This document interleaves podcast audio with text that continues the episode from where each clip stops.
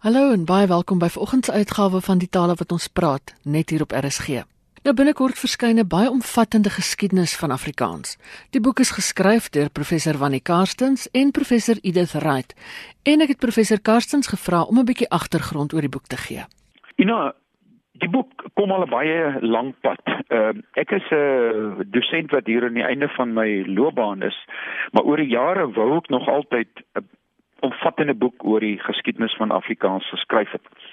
En oor die jare het ek baie materiaal gebruik. Ek het onder andere professor Edith Wright se boek Afrikaans as 'n Europese verlede as my bron gebruik uh oor die Europese geskiedenis van Afrikaans. En dan later jare toe professor Christo van Rensburg en 'n klompie mense se boek in Afrikaans in Afrika verskyn het, het ek dit gebruik.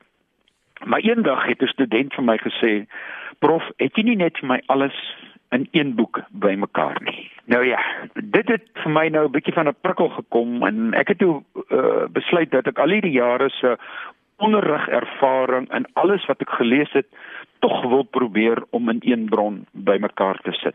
Nou, eerstens moet jy seker maak daar is 'n behoefte in die mark en op grond van die uh, die student se versoek, maar ook op grond van baie ontwikkelinge in Afrikaans die afgelope tyd. Jy weet die taalpolitiek dit wat gebeur het af verandering in Afrikaanse posisie na 94 was dit duidelik dat daar 'n boek nodig is wat 'n slag 'n bietjie terugkyk sodat die hele verhaal van Afrikaans vertel word En toe het ek te doen gekry met 'n Nederlandse boek wat gaan het verhaal van een taal van uh, De Vries het verhaal van een taal En toe dit vir my geword die storie van 'n taal. Ja. En toe ek gedink, "Geen, dan gaan ek die boek noem Die storie van Afrikaans." Nou met die storie van Afrikaans in gedagte het ek toe uh, teruggegaan na professor Ryk professor Ede Wright sy was daardie tyd al afgetree. Soos ek sê sy was al die jare aan die universiteit van die Witwatersrand verbonde en daarna aan die St Augustine's College in Johannesburg die Katolieke Universiteit in Suid-Afrika. Maar haar boek Afrikaans as 'n Europese verlede het soos 'n baken daar gestaan. En ek het toe vir haar gaan sê prof Edith ek wil graag hierdie boek doen maar ek wil graag hierdie boek van jou gebruik as 'n vertrekpunt want anders moet ek nou al die goed wat jy geskryf het moet ek weer gaan skryf. En toe sy nou die, saakie bedink en ons 'n paar kere oor gepraat en toe het sy uiteindelik gesê nee, dit is vir haar, dit is dit sou vir haar fantasties wees want dan weet sy haar werk laaste keer in 91 hersien word verwerk en geïntegreer in 'n nuwe konteks en dit is wat ek toe gedoen het. So uh ek het toe die die hele inhoud van Afrikaans as 'n Europese verlede gekry en toe my eie beplanning gedoen. En my eie beplanning was dat daar destyds sou ook 14 hoofstukke hê. Nou dit was uiters konservatief. Uiteindelik het dit 24 hoofstukke geword. Soos 'n mens maar aangaan, se kom daar iets by en dan skielik is 'n hoofstuk te lank en dit moet 'n nuwe hoofstuk word. So ek het gegaan hier was 'n behoefte daar was 'n beskikbare bron en ek het daai beskikbare bron gebruik as vertrekpunt en hom grondig bygewerk aan die hand van alle nuwe inligting. En soos ons aangegaan het, het daar gewoon nuwe inligting na vore gekom. Het daar ook nuwe leemtes na vore gekom. 'n Leemte is byvoorbeeld en ek kan net dit vir jou twee leemtes noem. En die eerste een is dat ons praat van die Europese geskiedenis van Afrikaans waar Nederland Nederland 'n Nederlandse kardinale rol speel. Maar ek kom toe agter in my gesprekke met my studente, dit is abstrakte name. Hmm. Hulle weet nie wat Nederland en Nederlands regtig is nie. En toe het ek 'n hoofstuk gaan skryf oor die laalande vandag. En ek het hom afgelope 2 jaar by my studente getoets in dit werk. Want skielik het hulle meer insig in die hele penwortel geskiedenis van Afrikaans waar waar Nederland te sprake kom. 'n Ander aspek is die hele kwessie van dat die geskiedenis van Afrikaans oorwegend 'n wit geskiedenis is, die gedokumenteerde geskiedenis. En dit is akademies en ook natuurlik uh billikerwys nie reg nie. En ek het daardie ook ook begin vat. So jy kan sien, mense kyk wat daar is, jy kyk die gapings en jy val dit aan. En toe het ek begin om my boek te skryf. En dis nou 4 en 'n half jaar later. Genade. ek wil juist 'n bietjie praat oor die modelle vir die herkoms van Afrikaans. Professor Raitlin soos prof nou gesê het, um baie sterk op die op die Europese geskiedenis, dan is daar die Nederlandse taalkundige Hans ten Besten en professor van Rensburg wat weer baie groot klem lê op die Khoi invloed en so. Gebruik professor 'n sekere model, hoe het julle dit benader? Ek het hier uh, redelik teruggeval op wat professor Wright gedoen het omdat ek toevallig ook uh, in daardie tradisie uh, uh, amper sê groot geword het. Ek is uh, voor ek na Potchefstroom gekom het, was ek verbonde aan die Universiteit van Kaapstad waar daar 'n bepaalde tradisie was die tradisie van uh, professor JP Skols en professor Wright en professor Roy Pfeiffer ja. waar daar die klem baie sterk geval het op die Europese verlede van Afrikaans. So ek ek ek het daai invalshoek gevat, maar die invalshoek is nogal nogal belangrik.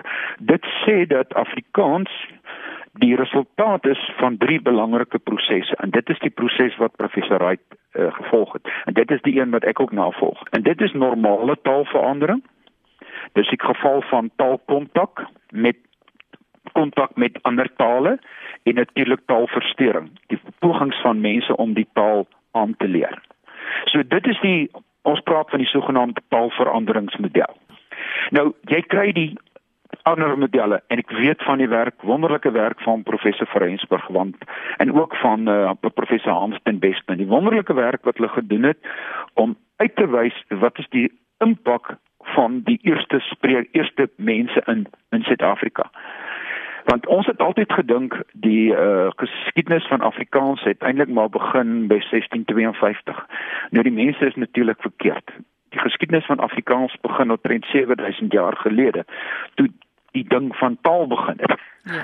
Wat is 'n taal? Hoe lyk die tale in die wêreld? Hoeveel tale in die wêreld is daar? Hoe hoe lyk Afrikaans in terme van tale van die wêreld?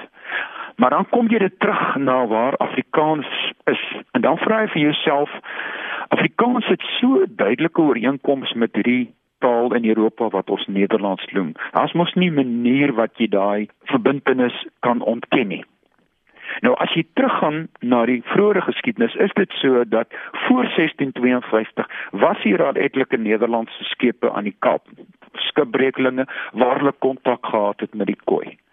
En Nederlands was op 'n manier die soort van die verkeerstaal. Die mense die Khoi wou graag Nederlands praat en die Nederlanders wat hier gekom het het die Khoi probeer verstaan. Intussen hulle het 'n nuwe vreemde taal ontstaan. So toe van Riebeeck aan die Kaap gekom het, het die mense soos Oudtshoornmato of Harry die strandlopers soos hom ken, het hulle alreeds 'n elementêre vorm van Afrikaans begin praat. Met ander woorde, die Nederlands in Afrika. Daarom vir my was dit belangrik dat ons moet erken Afrikaans se verbintenis is baie sterk in Europa. Ja. En dit is hoekom ek die boek uiteindelik ook dan so aangepak het. Eindelik val hy uit in twee boekdele. Die eerste een is die Europese geskiedenis van Afrikaans. En die tweede een gaan oor die Afrika geskiedenis van Afrikaans.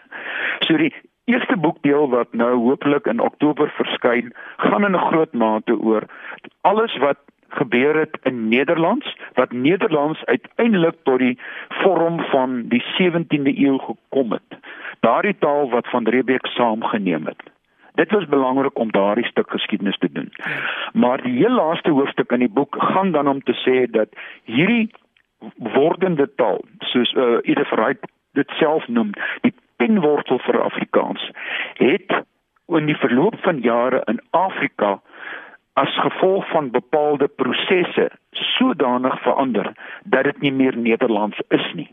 Was nogal interessant, uh, gisteroggend het ek gereis in my motor en uh, Martelies hulle het met Nederlandse besoekers in die ateljee gepraat. En uh, ja, sy het nogal vir een van die mense gevra, 'n uh, Nederlandse besoeker van uh wat is vir jou interessant oor Suid-Afrika? En hy sê toe onmiddellik die feit dat ons so mekaar so maklik kan verstaan. Oh, ja, ja. Taal is 'n verbintenis. Nou juist die feit dat ons die taal die verbintenis het, maak dat ons die Europese verbintenis nie kan ontken nie. So Nederlands is daar. Maar nou is die vraag wat het met Nederlands gebeur na 1652? Maar daardie gebeur het reeds voor 1652 gebeur met die vroeë matrose wat hier gekom het. En dit is waar die kooi 'n sterk uh, rol speel. Nou volgens professor Wright en ook soos ek dit self beskou, het hierdie geskied in die vorm van daardie drie prosesse. Normale taalverandering wat gewoon inhou dat tale met verloop van tye verander soos die sprekers en die behoeftes van die sprekers verander, dan pas jy die taal aan. Ja. Die taal gaan nie dieselfde bly nie. Ek kyk maar net na ons die taal van 1980 en die taal van 2010 of 2017 is nie meer dieselfde nie. So dis 'n normale proses. En dan aan die ander kant is daar ook die taalkontakproses waar die taal kontak het met met mense van verskillende ander tale. En dan die derde proses is die taalversteringsproses waaroor professor Fritz Bonelis nogal baie geskryf het, is die pogings van mense om oor die jare die taal van die heersers aan die Kaap te leer, Nederlands van die tyd ja. en daarna die Engels van die tyd te leer. So dit is ons model wat ons gevolg het, die sogenaamde taalveranderingsmodel. Ek weet daar is mense wat nie met ons sal saamstem nie, maar dit is soos ons die feite interpreteer. Hoofstuk gewys gee ons net so voelvlug oor wat die boek dek. So, Ina, ek het 24 hoofstukke uiteindelik geval En op 'n stadium toe ek die manuskrip klaar en ek wil dit aanhandig by die uitgewer, toe sê die uitgewer die boek is te dik vir een boek. Nou ja, toe begin 'n mens nou kyk hoe kan jy hom verdeel.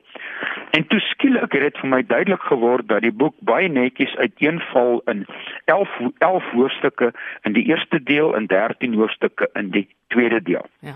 Nou die tweede deel soos ek sê gaan spesifiek oor Afrikaans in Afrika hoe, hoe wat het gebeur met daardie taal wat hier gekom het ja. op 'n dag het hy hier gekom formeel ons kan dit nie ontken nie en daarna het baie dinge gebeur en dit pak ek nou in boek 2 uit en ons beskryf die gebeure in die 17de, die 18de, die 19de en die 20ste ook die 21ste eeu. Dit word uitgepak en daar word vertel van die impak van baie belangrike prosesse op Afrikaans soos die uh, die Britse besetting aan die Kaap, uh die groot trek, die Anglo-Boereoorlog, die erkenning van Afrikaans in 1925, die totstandkoming van die nasionale party, apartheid 1976, 1994. Al daardie stories word uitgepak in die tweede boekdeel. Want dit is vir my belangrik dat mense verstaan in watter konteks die taal tot stand gekom het. Want ons is geneig om 'n taal te beoordeel in terme van ons kennis van vandag. Maar ons moet ook bewus wees van wat is die tyd waarin mense die taal gebruik het en waar hulle keuses gemaak het oor die taal. Dit is belangrik. Ons volg dis 'n sogenaamde sosio-historiese benadering. Dit is dan boek 2 en hierdie boek 2 sal teen die middel van volgende jaar uitkom. Dit is die plan. Nou boek 1 wat nou binnekort uitkom, fokus in 'n groot mate op dan die Europese geskiedenis van Afrikaans. En weer eens Ina was dit vir my belangrik om 'n prentjie te trek dat Afrikaans al baie lank in wording is. Hy het al begin toe ons die vraag gevra het wat is taal? En ek het in 'n hele klompie hoofstukke daardie verhaal probeer uitpak. Hoe lyk taal as ons vra wat is dit? Hoekom word dit gebruik? Wat is die voordele daaraan verbonde? Watter soort funksies het taal? En in hierdie proses moes ek natuurlik kyk na die taalkunde as wetenskap want ons bestudeer die taal binne die taalkunde as 'n wetenskap. Ek het toe begin ook kyk na hoeveel tale is in die wêreld. Nou dit was absoluut fascinerend om nou daardie getal te kry. En dit is ook chaos in want daar's soveel mense wat soveel sienings het oor soveel tale in die wêreld en ek moes uiteindelik maar 'n besluit neem. Ja. En ek volg hierso die sogenaamde uh, ethnolog model. Dit is uh, die een wat die wydste in die wêreld gebruik word, waar volgens op, op hierdie stadium 7099 tale in die wêreld het. So skielik begin ons die storie van Afrikaans as een van 7099 tale. In die verlede het sommige mense gesê daar's 20000 tale, maar daar is bepaalde probleme daaraan verbonde. So dit was vir my belangrik om om te agterkom hoeveel tale is. Dit Afrikaans een van 7099. Maar nou, hoe trek ons dan Afrikaans se storie verder af? So ek het probeer tale te klassifiseer dat jy uiteindelik kan sien in watter stroom van die tale Afrikaans val. En in hierdie proses het ons gekyk na Afrikaans as 'n nostratiese taal. Dit is maar 'n taalkundige term. En dan natuurlik die hele kwessie van Afrikaans in die Indo-Europese familie, die Germaanse taalfamilie, die Wes-Germaanse taalfamilie en dan natuurlik die hele kwessie van Nederlands wat stadig aan begin vorm aanneem van die 7de, 8de, 9de eeu waar die fases van Oud Nederlands en Middel-Nederlands het. Ja. Maar dan het ek gekom by 'n baie belangrike fase, dit is in hoofstuk 9 van die boek waar ons kom by Neo-Nederlands. Nou in Neo-Nederlands die tydperk na Middel-Nederlands.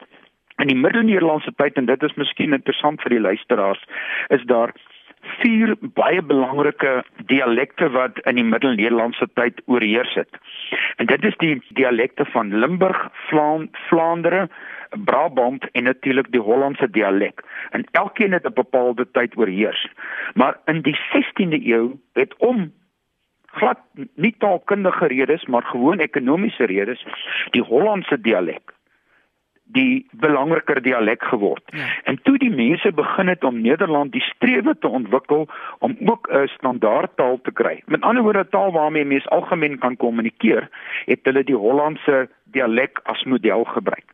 En in hierdie proses het daar die Nederlandse statevertaling tot stand gekom. In 1637 het hy gekom. En letterlik 14 jaar later het van Riebeeck en sy mense met hierdie taal gekom. So hulle het met daardie Bybel Kaap toe gekom.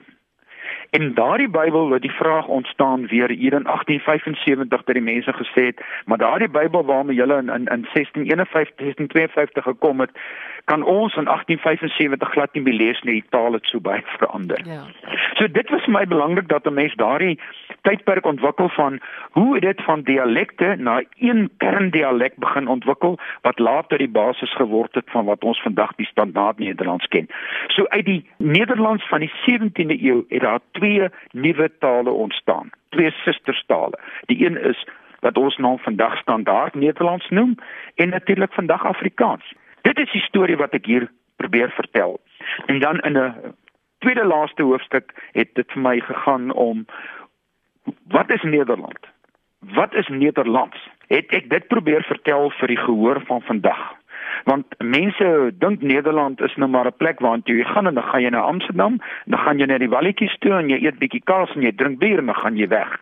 En ek het probeer vertel dit is baie meer as dit. Ja.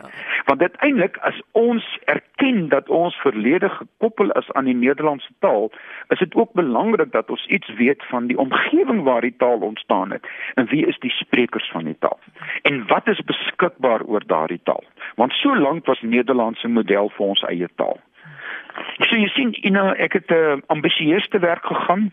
Ek het enorme klomp inligting bestryk. Uh die inligting was gewoon te veel vir een boek. En soos ek sê, dit twee boeke en wat ek nog verder gemaak het, ek het 'n webblad tot stand gebring waar ek baie baie addisionele bronne verskaf waar mense agterna sal kan gaan lees. Sjoe, dis wonderlik. So ek het baie inligting gegee. Ek hoop uiteindelik die boek slaag en die mense dit lees en sê ja, nou verstaan ek iets beter van Afrikaans. En vir my was dit ook belangrik Ina dat dat, dat ons Afrikaans posisioneer. Dat ja. hy 'n unieke taal is, maar dat hy 'n 'n besondere taal in die wêreld is. Dit dit is belangrik om daai stuk te doen. En gelukkig kon ek hier gebruik maak as vertrekpunt van die werk van professor Ryk. En ek kan vir jou sê prof Edith lees elke woord, hoor. sy lees elke woord en sy gee kommentaar. Prof Edith is 'n volwaardige mede-outeur van hierdie boek. Sy uh woon in tans in Kaapstad. Sy het pas hierdie week laat weet dat uh, drie van die hoofstukke waar wat sy moes proeflees, het sy teruggestuur. So prof Edith is op en wakker en sy's net so opgewonde soos ek oor hierdie boek. Uh vir ons albei is dit 'n uh, resultaat van 'n lang lang lang proses. Hmm. Ek het nou die soos ek sê die afgelope 4 en 'n half jaar in my lewe in hierdie boek ingegaan. En ehm uh, dis lekker om uiteindelik te weet dat jy op die punt kom dat hy baie na aan publikasie is. Ja. En as mens bietjie in die kristalbal kan kyk en dit gaan nou seker na die einde van die tweede boek meer. Toe. Ja. Ja. Dit kan ook bietjie wys dat Afrikaans nie sommer 'n ou klein taaltjie hier in die suidpunt van Afrika is nie, maar 'n taal op 'n internasionale verhoog. Absoluut. Uh, you know, ek het ek het, het jy's agtergekom Hier omtrent in 2009 in terme van die statistiek van daardie tyd was Afrikaans omtrent die 126ste grootste taal in die wêreld. Nou met die statistiek van vandag en die toename in die Afrikaanse bevolking uh in die Afrikaanse sprekersskap is dit waarskynlik so nader tussen 110 en 100 grootste tale in die wêreld. As jy kyk na 7099 is dit nogal 'n prestasie. Ja. Ons is dis nie 'n bietjie my taal nie. Ons is 'n taal wat 'n bepaalde pad geloop het. Maar die wonderlikste is via Nederlands, wat betref die 40ste grootste taal in die wêreld is, het ons toegang tot Europa. Afrikaans sprekendes het dus via Nederlands toegang tot Europa. Dit is hoekom ons mense wat in die tale letterkunde werk, so dikwels na Nederland of na Vlaandere gaan om te gaan studeer, tye daar deur te bring. Ek het self al maande daar sit en werk waar ek toegang het tot soveel materiaal wat ek andersins nie kry nie. So Afrikaans is dus 'n beduidende taal. En dit is die storie wat ek graag wou vertel dat mense dit weet. Maar in boek 2 kom baie sterk te sprake van wat is die gevare wat verbonde is aan die feit van hierdie taal, ja. aan die gebruik van hierdie taal. Watter probleme ons het. Daar's baie taalpolitiek. Daar's gewoon politiek oor Afrikaans, ons almal weet dit. Daar's geweldig druk op Afrikaans. En daar's baie mense wat moed verloor met Afrikaans ek het dit probeer opteken en probeer leiding gee, probeer raad gee, probeer feite gee en probeer sê wat mense kan doen. Want mense soek hoop vir Afrikaans. Ja. Ek hoop en ek en Prof Edith, dit is ons hoop toe ons laas gepraat het, is dat die boeke uiteindelik vir Afrikaans sprekendes ook hoop sal gee. Dat daar soveel tyd en energie spandeer is om die storie van hierdie taal op te teken. Dat dit belangrik is dat dit opgeteken word nie net vir die mense van wat ouer mense nie, maar ook vir die mense van die toekoms. Want uiteindelik moet die jonger mense glo in die waarde van die taal vir hulle self. Dit was professor Wannie Karstens van die NWU se skool vir tale. Deel 1 van die storie van Afrikaans, biografie van 'n taal, verskyn binnekort by Protea. En daarmee is dit tyd om te groet. Van my Ina Strydom, groete tot 'n volgende keer.